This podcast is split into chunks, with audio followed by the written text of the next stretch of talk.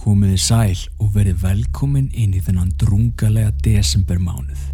Það er komið á mánudags mínusugunni, svo setið ykkur í stellingar og hlustið vel.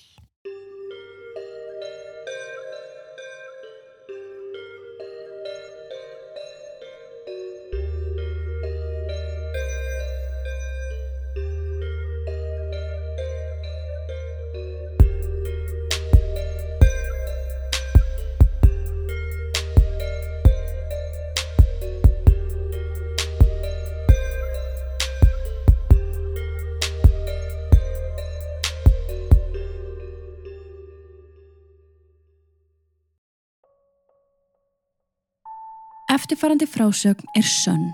Hún gerðist fyrir mig.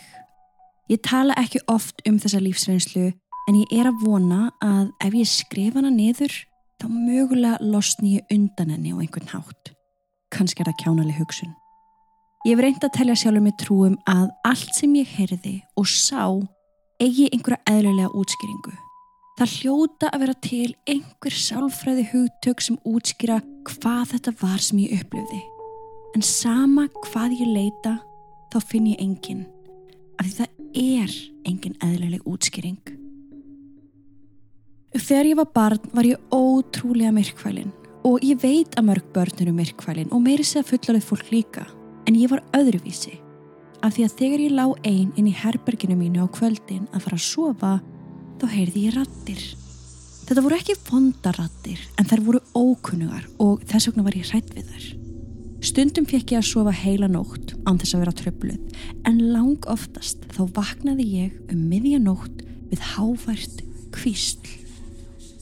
Ég sagði fóreldur mínum frá þessu.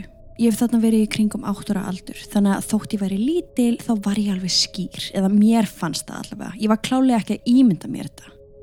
En mamma var vissum að ég væri bara að heyra í húsinu en það bjöku við í stóru timpurhúsi sem pappi sagði oft að væri á lífi þá vegna þess hversu mikil hljóð heyrðust í því daglega. En ég vissi að þetta sem ég var að heyra á nóttunni voru ekki brestir í húsinu. Þetta voru rattir og þar voru að kvísla. Áðurinn ég vissi af var ég byrjuð að skrýða uppi til mömmu og pappa á nóttunni að því ég var svo hrætt við þessa rattir. Það var líka hendugra að sofa þar að því að baðherbergið var við hliðin á söfnherberginu þeirra Þannig að þegar ég vaknaði á nóttunni til þess að pissa þá þurfti ég ekki að lappa lánt. Mér finnst ég hérna þurfa að útskýra eitt áður en lengra er haldið. Húsið okkar var á tveimur hæðum. Svefnherbergin voru uppi og síðan var stór stíi sem leitti niður á neðri hæðina. Svefnherbergið hjá mamma og pappa var út á enda og þetta var eiginlega svona þröngur gangur. Við hliðin á mamma og pappa herbergi var klósettið og svo gekk maður áfram gangin og kom þá að steganum vinstra megin við sig. Á hinum endagangsins að móti herbergi foreldra minna var síðan mitt herbergi. Stíin var stór og tók smá sveig um hann miðjan. En ef maður stóð efst í steganum sá maður greinilega stofina fyrir neðan. Atvikið sem ég ætla að segja ykkur frá gerist þremur dögum fyrir jól. Ég hafði vaknað við kvíslið inn í herberginu mínu og orðið svo hrætt þannig ég skreið upp í til mamma og pappa. Þar sopnaði ég en þó aðeins í stuttastund að ég þurfti að pissa. Ég klifra rólega yfir pappa í síðan áttkjólnum mínum haldandi á brúnum bángsa sem fór aldrei langt frá mér á næturnar. Ég opna svefnherbyggisörðina lötur hægt til þess að veki ekki fóreldrar mína. Ég tek skref fram á gang. Það var niða myrkur en ég þekkti húsið vel tók tvö skref áfram og gerði mig svo líklega til þess að opna baðherbyggisjörðina. En þá skindilega heyri ég þrusk svo ég stoppa. Ég líti áttina steganum og þá sé ég það. Það var raukt ljós á vegnum í miðjum steganum sem hreyfðist hægt og rólega í litla ringi. Ég tek tvö skref áfram í áttasteganum og á sama tíma þá færðist rauðaljósið neðar. Ég tek þriðja skrefið og aftur færist ljósið neðar. Ég man að ég hugsaði hversu fallegt mér fannst ljósið og fyrsta hugmyndin sem kom upp í mínum áttar á kolli var að jólasveitnin væri komin með gafinnar. Ég ákvað að standa alveg kjur og hlusta. Það var greinileg einhverja vesenast þarna niðri og þarna var ég vissum að þetta væri jólasveitnin. Af því að hver annar ætti að vera inn í húsinu hjá manni þremur dögum fyrir jól. Ég var líka búin að vera ekstra góð þennan desember mánuðin svo þetta hlaut bara að vera hann. Ég brosti út af eirum og tippla á tánum út gangin og að steganum. En þegar þangað er komið sé ég að rauðaljósið er komið alveg neðst niður. Það var eins og í hvert einasta skipti sem ég tók skref þá færðist það einu skrefi frá mér eins og það væri að leiða mig eitthvert. Ég geng niður tröppunar, eitt þrep, tvö þrep, með fyrring í maganum af spenning að fá að sjá loksins jólasveinin. Og áfram færist ljósið lengra inn í stofuna. En svo gerist það. Þegar ég á aðeins tvö þrep eftir, þá sé ég risastóran skugga beint fyrir framann mig. Hann var svo nálagt mér að ég hefði ekki getað tekið hálft skref til viðbótar án þess að rekast á hann. Ég frýs og finn hvernig tárin byrja að renna niður kinnar mínar. Þetta var ekki jólasveitnin. Þetta var einhver maður, svartur og hávaksinn maður, miklu starf en pappi. Og ég sá engar hendur eða fætur, en ég þorði ekki að horfa upp til þess að aðtöða hvort hann væri með andlit. Þá allt í einu segir hann hátt með djúbri röttu. Stopp, farðu aftur upp stegan og ekki lítum auksl. Hann þurfti ekki að segja mér að tviðsvar. Ég sný mér við í steganum og byrja að hlaupa upp stegan og þegar ég komin í hann miðjan þá heyri ég hræðileg læti koma frá neðri hæðinni.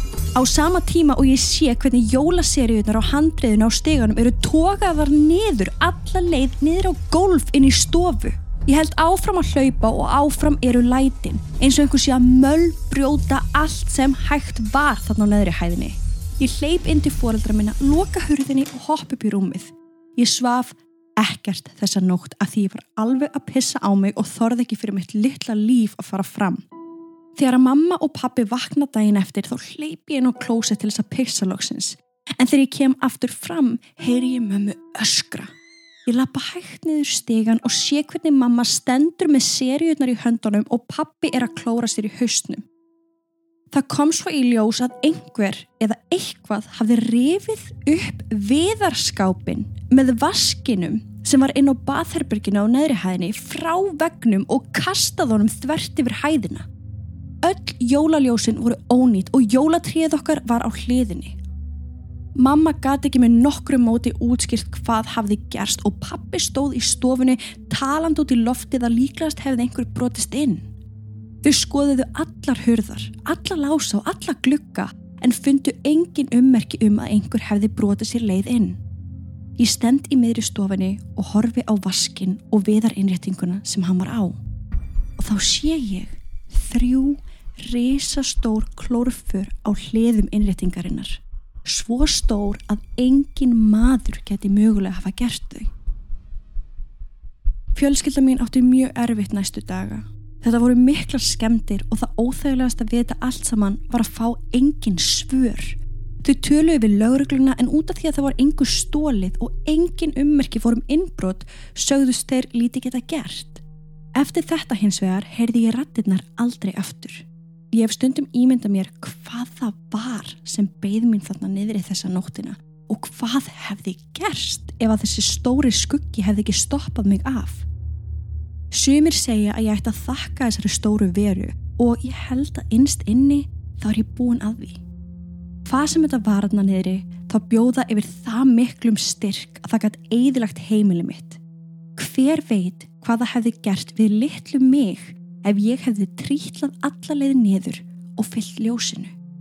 Eins og ég segi, ég hef ekki heyrt rættir nýja kvísl eftir þetta og aldrei hef ég séð svörtu skuggaveruna aftur sem mögulega bjargaði lífi mínu.